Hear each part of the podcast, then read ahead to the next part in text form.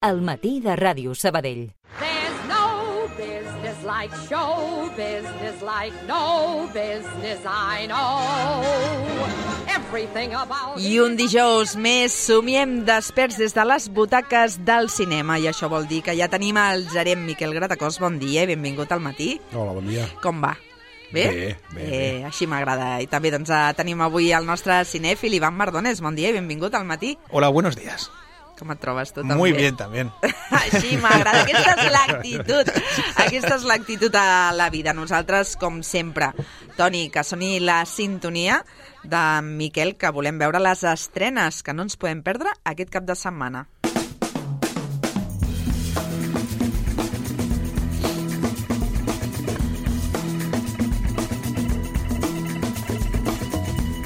Miquel, vinga, a veure, fes allò al repàs, que clar, evidentment hem de començar per l'estrena, no?, de, Uh, sí, de fet, és la- l'estrena i, i l'estrena de la setmana. De la setmana i del mes i de l'any. quasi- I, no, i quasi diria, diria que és l'única estrena que hi ha aquesta setmana, perquè és una setmana on te, ja hem degut a la, al, el volum o, o la magnitud de la, de la, de la pel·lícula s'han apartat totes les estrenes, han deixat a d'una sol, uh, s'ha quedat aquí uh, bueno, per emplenar totes les sales de, totes les sales de Catalunya eh, amb, amb passes de Duna, una pel·lícula que dura dues hores mm, 30, quasi. És, dir, una Ah, más, pel·lícula... es más corta que la primera. Sí, és una mica més curteta, Bueno. però, però bueno, tenim Dune per estona. Hay arraquis para, para rato, sí. Do, uh, aviam, uh, Dune la segona part de la- de l'entrega de, de Denis Villeneuve, de la, sí. de la història del Dune, del, del llibre i del món d'Arrakis, com deia l'Ivan, uh, amb els mateixos actors de la, de la primera part, una primera part que va acabar amb un ara ho dèiem, va acabar que amb un, amb un cliffhanger, simplement amb un pause perquè... Es un pause. Per, Es, és un... es bien- sí, está bien la comparación. No es un cliffhanger, que para lo que no sepa es cuando te dejan con la miel en la boca, ¿vale? Es la, la traducción, pero es verdad. És, és una, una pausa, de fet no és una seqüela, sinó que és simplement Duna part 2, la segona part de la pel·lícula de Duna del llibre de d'Herbert, O sea, en más, cas. más que nada es para es primero porque no sabía si iba a poder hacer la segunda parte. Segundo porque mm, si estamos hablando de muchas veces ya de que empieza- la gente empieza a cansarse de las pelis de tres horas, no puedes hacer una de seis. Sí, no, o sea, no, en no. realidad es eso, es lo que dice Miguel, no es una segunda parte, es, es un bueno pues És la sí- continuació. és sí, la continuació, sigue, sigue viendo. És la continuació del Dune 1 amb, amb Zendaya, amb Timothée Chalamet, l'actor de moda que, tenim, que el tenim fins a la sopa, quasi. És dir, Jo, és que- és Bueno. Chalamet amb xocolata, Chalamet amb sorra... Clar, Chalamet... però és el, que, és el que empezando- sempre expliquem, no? no, que, m'està empezando a que al caer final muy mal. Acabem doncs, estirant massa el xiclet, eh? No, bé, en el fons són, són actors que en el moment estan, estan de moda, estan en boca de tots, eh, tenen, eh, tenen les seves oportunitats i, i el problema és que segurament no és que facin totes les pel·lícules del món, sinó que eh, les seves pel·lícules aprofiten, tothom aprofita el que dèiem el tema del màrqueting, no? no deixa de ser una eina més, un element més a l'hora de comunicar doncs, l'actor de moda, en aquest cas ara és, és aquest. Eh, hi ha altres actors també en, en la pel·lícula, però el paper, el paper principal, evidentment, és, és seu. Eh, hi ha actes, actors de Rebecca Ferguson, una pel- actriu de, que surt, per exemple, a Missió Impossible, a l'Austin Butler, que és el que va fer d'Elvis eh, en el biopic d'Elvis, eh, que aquí no sé si jo costarà reconèixer-lo, em sembla, eh? Sí? El personatge que No. fa és un personatge... Eh, no, si no sabes quién es, mm, Eh, serà, serà sí. difícil. Sí. Uh, Javier Bardem, George Brolin, Chris Walker, uh, Dave Bautista, bueno, tota una sèrie de toreros, com sempre diem, que, que, que en Sí, aquest a mi- cas Villeneuve ens porta. A mí me ha sorprendido que Christopher Walken esté en esta película. Bueno, tenen, Porque- això, en, la primera, en, el, en el primer d'un hi havia Sting. És dir, Maravilloso, és además. veritat. Con, con Vinga, un va. underwear mm, metálico. Toni, que tenim el tràiler. En este mundo la crueldad no conoce límites. Lleváis décadas luchando contra los Harkonnen. Mi familia lleva siglos haciéndolo. Todos han sido masacrados. He perdido incluso a mi padre. Tu padre no creía en la venganza. Nosotros creemos en los Fremen. Dejadme luchar a vuestro lado.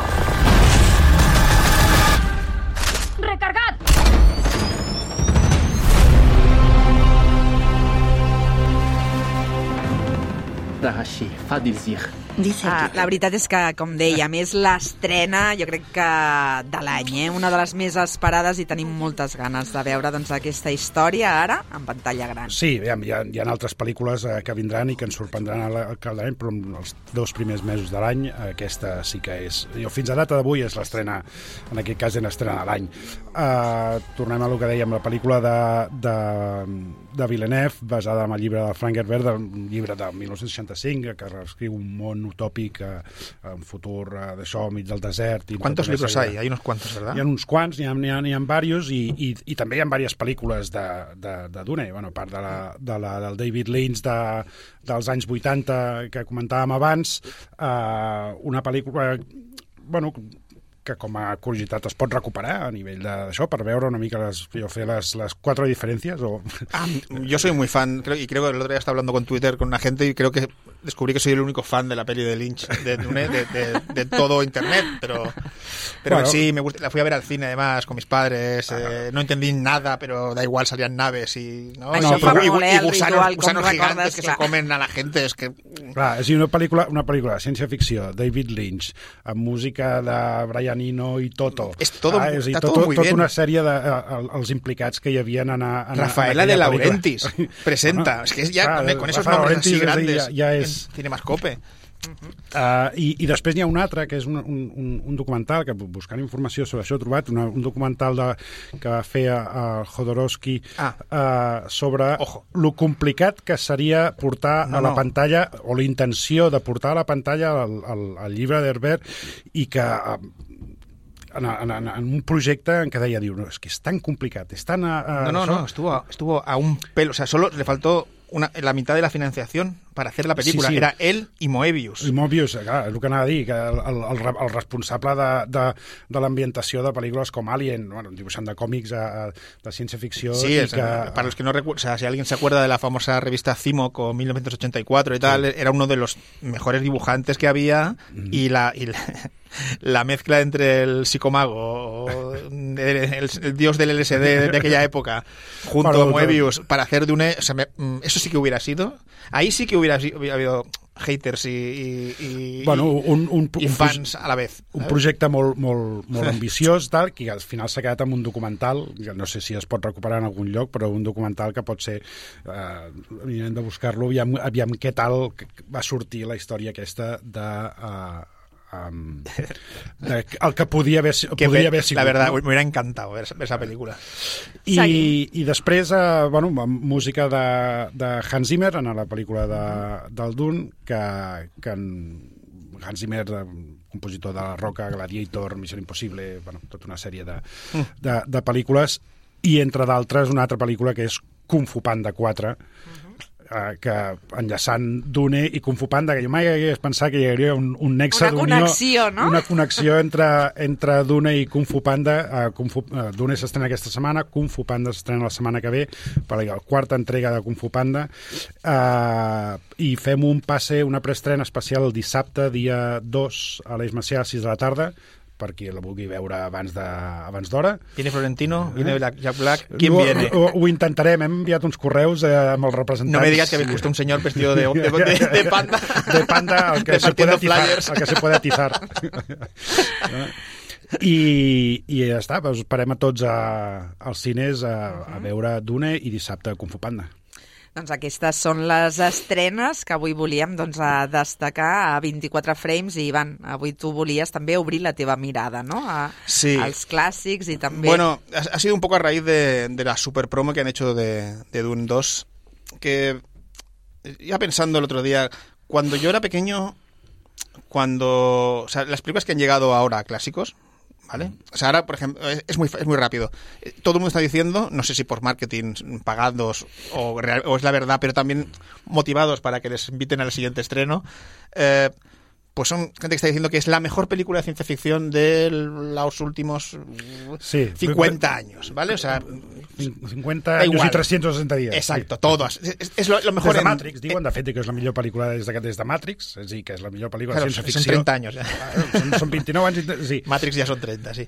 Claro, eh, esto es un poco... y hace mucho tiempo que lo vemos, ¿no? Cu- Cuando las promociones pasaron a ser tan, tan, tan mm, megalómanas, mm, veíamos los, típicos títulos de New York Times dice que es la mejor película de no sé cuánto, o la película que te... ¿vale? Y entonces te van metiendo, te van bombardeando la cabeza para que tú salgas, entres al cine ya con el hype que hablamos siempre, de decir, necesito ver, necesito ver esta película, la ves, te puede gustar mucho o no, pero ¿qué pasa? ¿Cu- ¿En qué, en qué ha cambiado la cosa? A, la- a los dos días, al mes, en este caso a lo mejor, ya tienes la, la- la segunda mejor película de la historia o la- una promoción también igual de, salvaje que directamente hace que te olvides de esa película. ¿Vale? Eh, también te llega, estás en casa, te llega eh, toda la información en, en las plataformas de streaming, la tienes allí, así, rápido, a los cinco, a los cinco meses, mucho menos ya ahora, a los dos meses de haberse estrenado en el cine. Bueno, eso hace que se quede como en una biblioteca la película.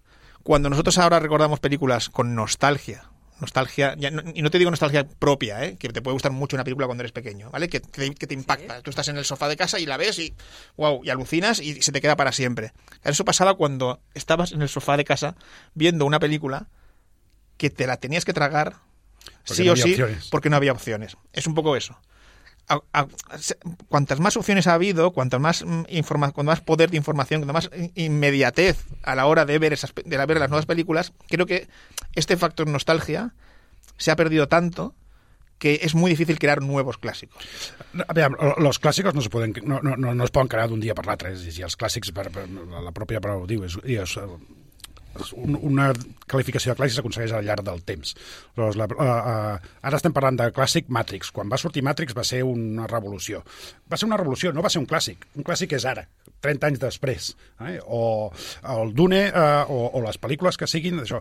Uh, És el temps, no? És Que el al final temps el que, acaba, el, doncs, que, a- al final Però- acaba dient que és un clàssic. Això el fet de que diguin el nuevo, el, el nuevo clásico de, de això, eh, la mejor película de la historia, a la mejor... En el fons són, són claims eh, És publicitaris, marketing. són claims publicitaris per aconseguir, per intentar un objectiu, i tu dius, i, i, d'aquí quatre dies, d'aquí tres mesos, aquesta pel·lícula estarà ja en un segon pla. Però haurà fet tota una feina, i aquest, tota la feina que hagi fet eh, ara en pantalla farà que es converteixi en un clàssic.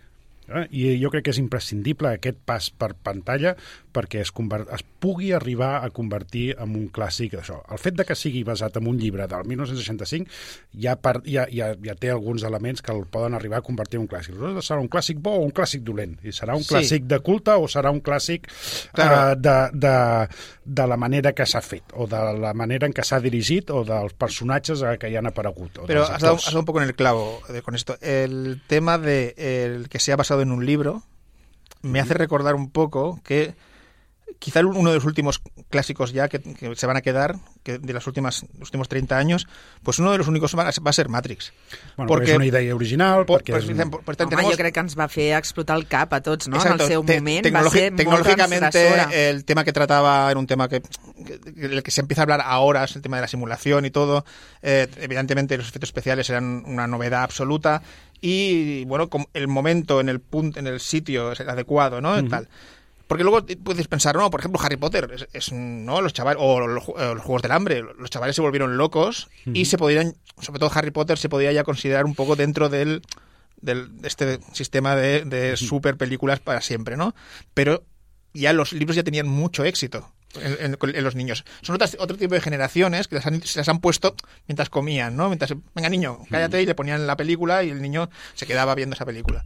Ah, els clàssics no tenen per què ser només clàssics en blanc i negre, com els que No, no, no, no, podem no, no, imaginar de, de pel·lícules, pel·lícules clàssiques. Eh, són una, cosa, una cosa són pel·lícules clàssiques, una cosa és que sigui un, un, un, una pel·lícula que tingui pròpia la seva pròpia entitat, que sigui en blanc i negre, ja sigui en color, Sí. o sigui de fa 30 o de fa 70. No, además que eh, es un poco se podría decir que es un poco subjetivo. Luego al final no lo es tanto, porque todos los clásicos y los- las grandes películas que nos han quedado todas son muy buenas películas, lo mires por donde lo mires.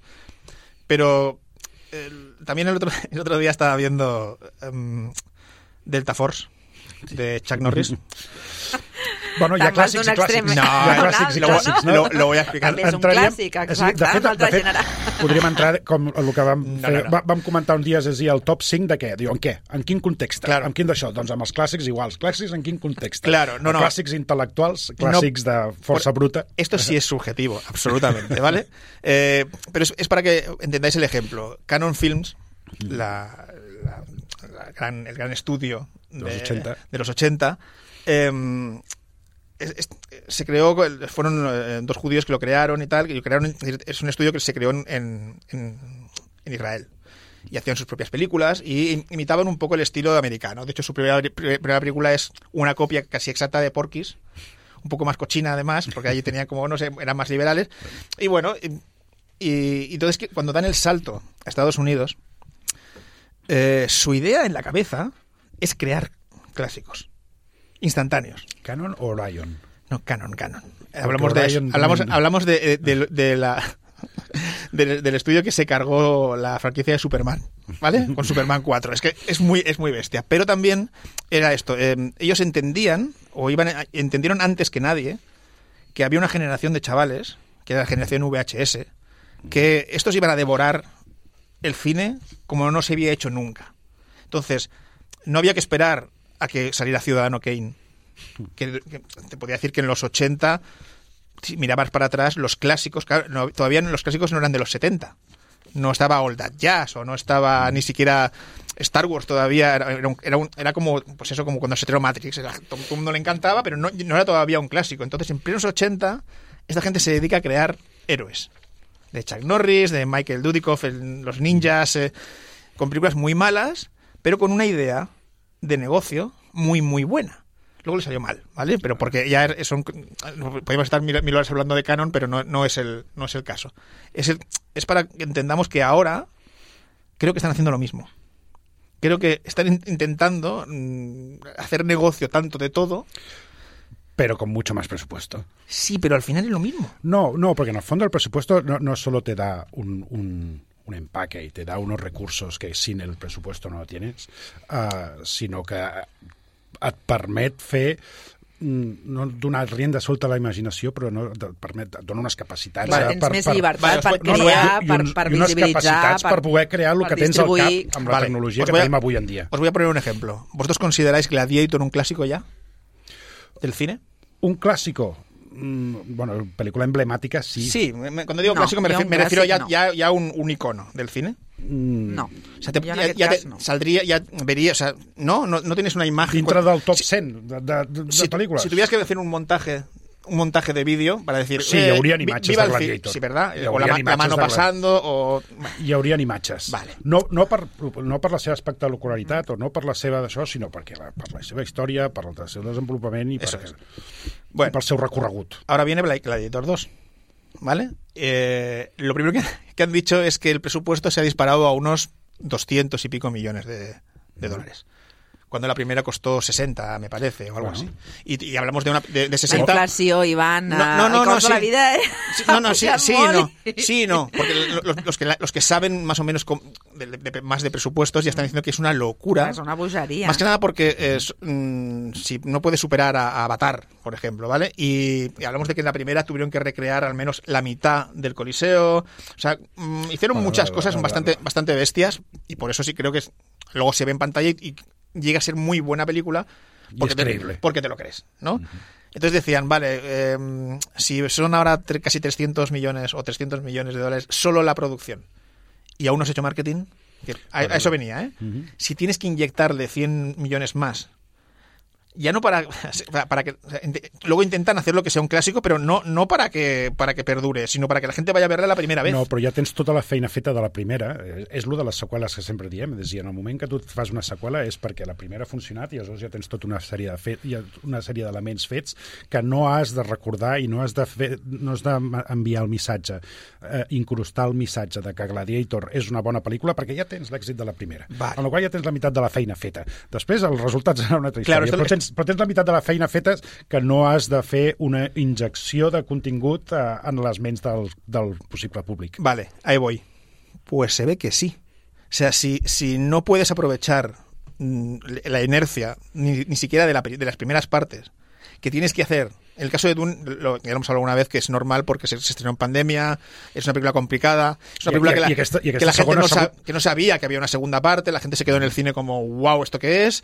Es diferente, pero en el caso este de Gladiator, si no puedes aprovechar la inercia para hacer una, una campaña normal, no, no, que no sea tan, tan loca, eh, para que la gente vaya a verla, aquí es donde, donde veo que falla un poco este sistema nuevo de, no sé si por el tema de las redes sociales, de la inmediatez, Vale. del, del nuevo marketing digital y A de los mi- gurús de tal, que... Bueno. Jo si tingués a veure alguna cosa amb Gladiator em preocuparia més l'estat de l'actor que últimament l'hem vist en alguna pel·lícula que està com una bota, si l'hem de posar al mateix nivell del Gladiator 1 eh, Dice serà... Russell, dice Russell, Sí. Russell, espero, si sale, espero que sea en un El sueño, abuelo de... El en, un, abuelo de... en un sueño tumbado comiendo eh, uvas, uvas. las Raïm, uvas. ¿no? Sí, porque es, mm, está más muerto que, que Darth Vader, no pero sé, bueno. no, no, no, sé, no sé cap on anirà.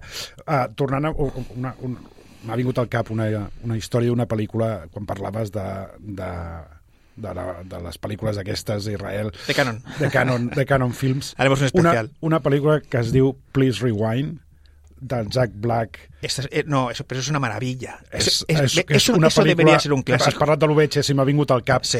i parlaven de clàssics són dos, dos be- be kind, please, please Be rewind. Kind Rewind. sí. Eh? Uh, dos, dos dependents d'un videoclub que se'ls fa molt bé totes les pel·lícules i decideixen rodar-les ells mateixos amb baix pressupost i fan la seva versió dels Sueca. clàssics. La versión sueca le llaman ellos. Eh? I fan la seva versió dels clàssics ells, dic, sé, fan un Robocop i es posen una caixa d'alumini.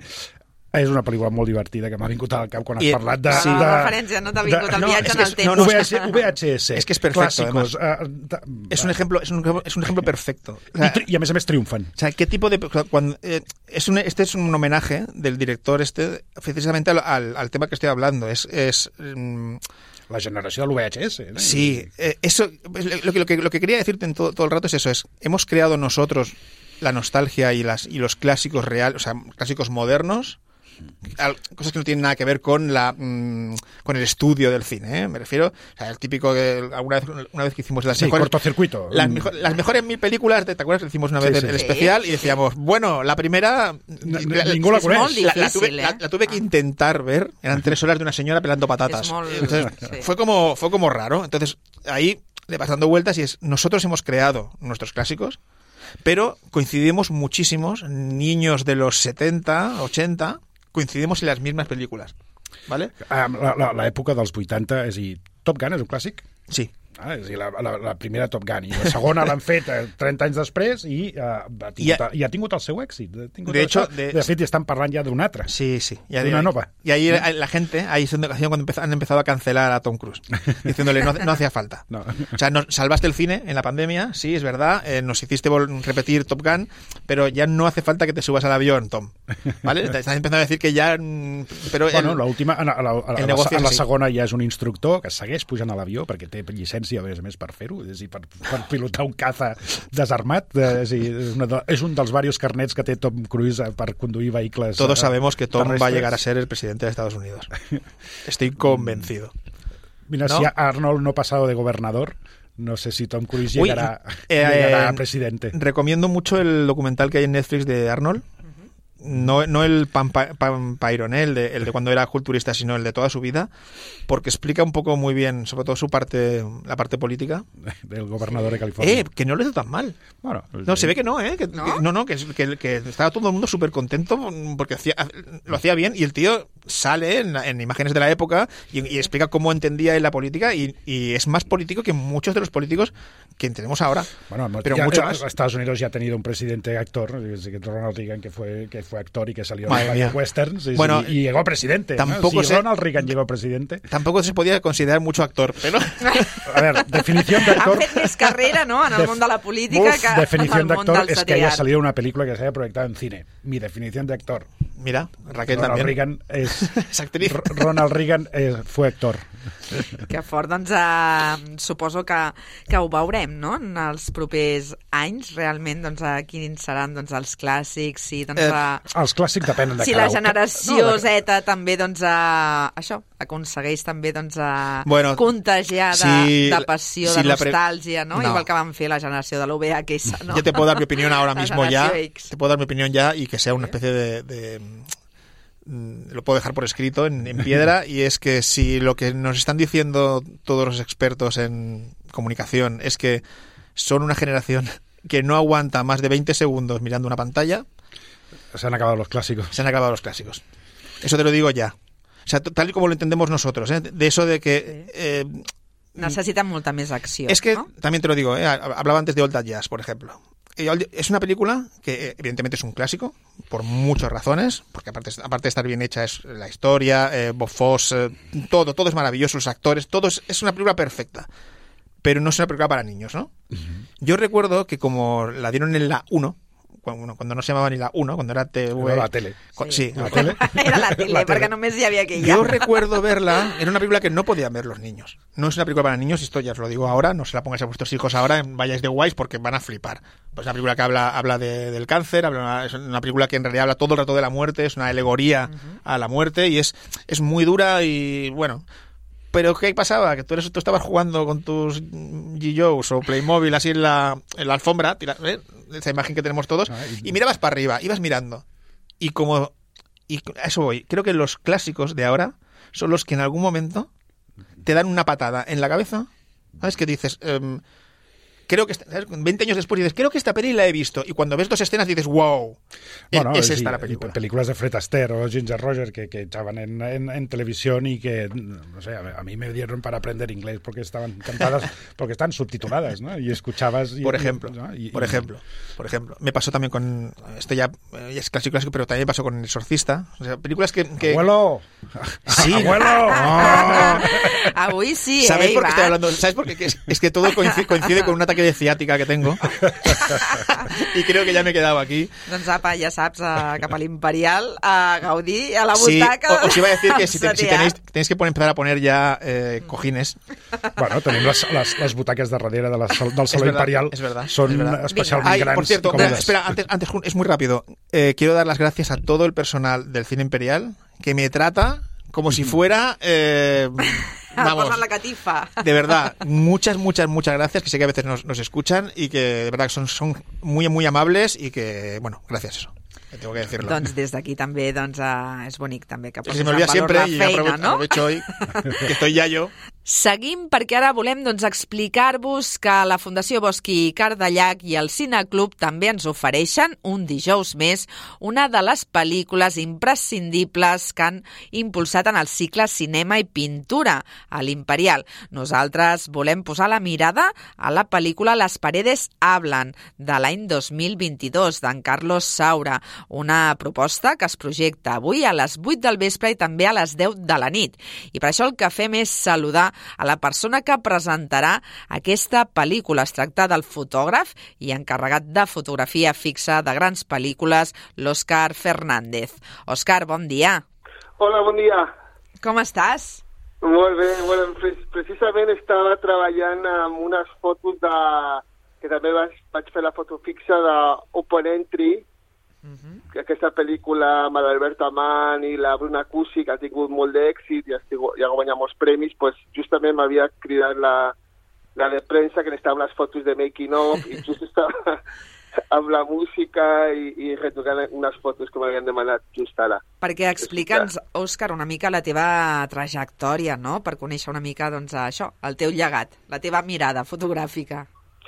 Bueno, jo, jo, o sigui, tot comença una mica per el meu amor al cinema, que, que és de, de ben petit, que sempre he tingut aquesta passió per, per el sèptim art, i, i d'alguna manera vaig començar a estudiar cinema a Madrid, però bueno, l'escola era massa cara i no m'agradava molt el, el, diguem, el nivell de l'escola, i allà a Madrid em vaig aficionar a la fotografia i d'alguna manera vaig tornar a Barcelona amb, amb la idea d'estudiar fotografia i llavors ja es va crear dos passions, el cine i la fotografia, i eh, de, vaig començar amb una pel·lícula, però fent el cartell, que és El, el mar, d'Agustí Villaronga, i amb aquesta amistat que, bueno, que es va iniciar amb aquest director mallorquí, eh, bueno, pues, vaig començar a interessar-me per fer fotos de directors de cinema en principi, que és la, la, la meva feina és documentar tot el cine espanyol i latinoamericano i, i de més latituds, però bàsicament amb una càmera panoràmica molts, mo- molta gent coneix per, per aquest, aquesta feina no? de, de documentar tots els cineastes i, i després, clar, estableix, estableixes una relació, una amistat amb molts de- d'ells, com el Jonas Trueba, l'Isaac La Cuesta, Javier Rebollo, Marcoy, molts directors, i llavors em diuen, ostres, per què no vens a les peris i fas Ah. la foto fixa, no? I una mica em vaig ficar en, en aquest món. En aquest món. I què és el que destacaries de, de la pel·lícula que avui es projectarà, no? De, i també del director Carlos Saura?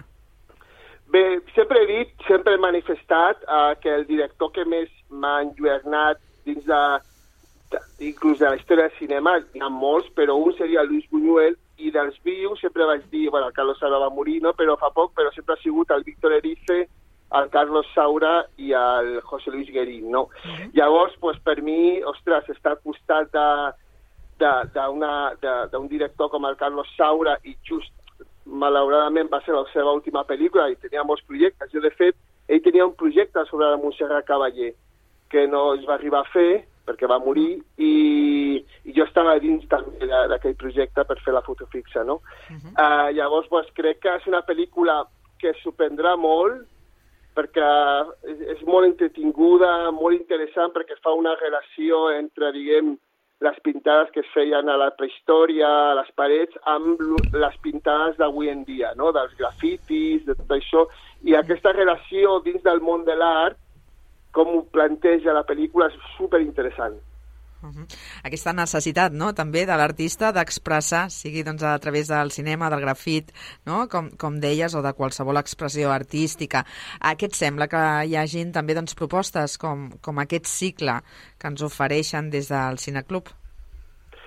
Bueno, em sembla molt bé, és a dir, jo penso que sempre he pensat que, bueno, en aquest cas és un cineclub, però les filmoteques és, són, fan una labor imprescindible perquè trobo que, que el cinema, eh, el bon cinema es fa més, més humans, no? més, més sensibles i es fa reflexionar. Jo crec que, que diguem, és, és un, bueno, una iniciativa molt interessant per això, no? per apropar la gent a que coneixi un altre tipus de sensibilitats en el cine, no? que no siguin les pel·lícules comercials, que estan molt bé i, es pas, uh -huh. i passem l'estona, però n'hi ha altres pel·lícules, en altres tipus de pel·lícules que que el que ens invita és a aquesta reflexió, no? i en aquest cas pues, és, és molt interessant aquestes eh, comparacions que fa el Saura en, en, en, diguem, en dues èpoques completament diferents, no? Um, ja has preparat uh, la presentació? Ho tens tot a punt? Quan arribes a la nostra ciutat? Uh, sí, bueno, uh, uh, de fet, just tinc que fer unes fotos amb una directora que està ara um, bueno, amb, amb boca tothom perquè ha guanyat molts premis, que és la Estivalit Urresola, la de 20.000 espècies d'abejas, que li donen un premi europeu, o està nominada, està nominada amb un premi europeu, a Lux o alguna així, ara no recordo ben bé, algo de Lux crec que té. I la tinc que fotografiar a, la, a, les, a dos quarts de cinc i d'allà surto cap a Sabadell. Doncs aquí t'acollirem molt bé. Moltíssimes gràcies, Òscar. Moltes gràcies a vosaltres. Que vagi molt bé. Una abraçada. Gràcies. Doncs nosaltres posem així punt i final a la secció, però com doncs, avui també demostrem, no? aquesta proposta, Miquel, també bueno, el que fa és nodrir no? i oferir també alternatives al gran públic. En el fons el que diem és, i el cine comercial és el que ens dona de menjar, és el que ens dona de, de, els que ens, ens permet estar oberts cada dia i, i, i donar una oferta sí. variada amb propostes com aquesta doncs és un dels nostres objectius. ¿Cuál sería la definición de cine no comercial? Cine, per, per, per, no, per definició, cine no comercial és, és, no, no, és... no perquè també pot ser... Tot, tot, tot, tot, tot se hace para vender. És independent, no? És cine no. independent en el qual no, en el qual no té un, una, una ah, infraestructura, una, xarxa, no? una infraestructura una darrere uh, que et permet uh, donar-li a bombo i platillo l'estrena de la pel·lícula el, el que són els que consideren les, les distribuïdores independents, en, almenys en aquest país. Eh? Són distribuïdors, ja et dic, que no tenen un suport d'una multinacional o d'un estudi... d'un no tenen estudi, la xarxa de la indústria. D'un estudi no? no? i que s'estrena, doncs té unes estrenes limitades. De, què està passant ara, per exemple, en, en, en aquest país? Estan estrenant de, des de que hem començat l'any o des del desembre entre 10 i 15 pel·lícules setmanals. Imagina't quina llau. Entre 10 i 15 pel·lícules setmanals. Aquesta setmana no vol dir que només s'estreni d'un, s'estrenen d'altres. Sí, eh? sí, s'estrenen claro. d'altres pel·lícules, però aquesta saturació d'estrenes eh, que no tenen tot el rebombori que tenen per tenir un estudi gros al darrere, però que també s'estrenen, que també tenen el seu públic i que també tenen, i tenen el seu circuit d'exhibició, que es fan en sales comercials, que es fan en sales importants, en sales me, me, però eh, en comptes de eh, d'un s'estrenarà amb 600 sales, 600 I no còpies... sé quantes setmanes i altres No, pel·lícules. de, de, de sortida s'estrenen amb 600 còpies. Una pel·lícula eh, més petita s'estrena amb 30. a És tot que- nacional. Doncs eh, aquest serà un debat que sí, Siguiente, siguiente. intentarem doncs, a resoldre la propera edició de 24 frames, perquè ara també volem nodrir l'antena de cultura, que ens anem al PAF, al Griffin.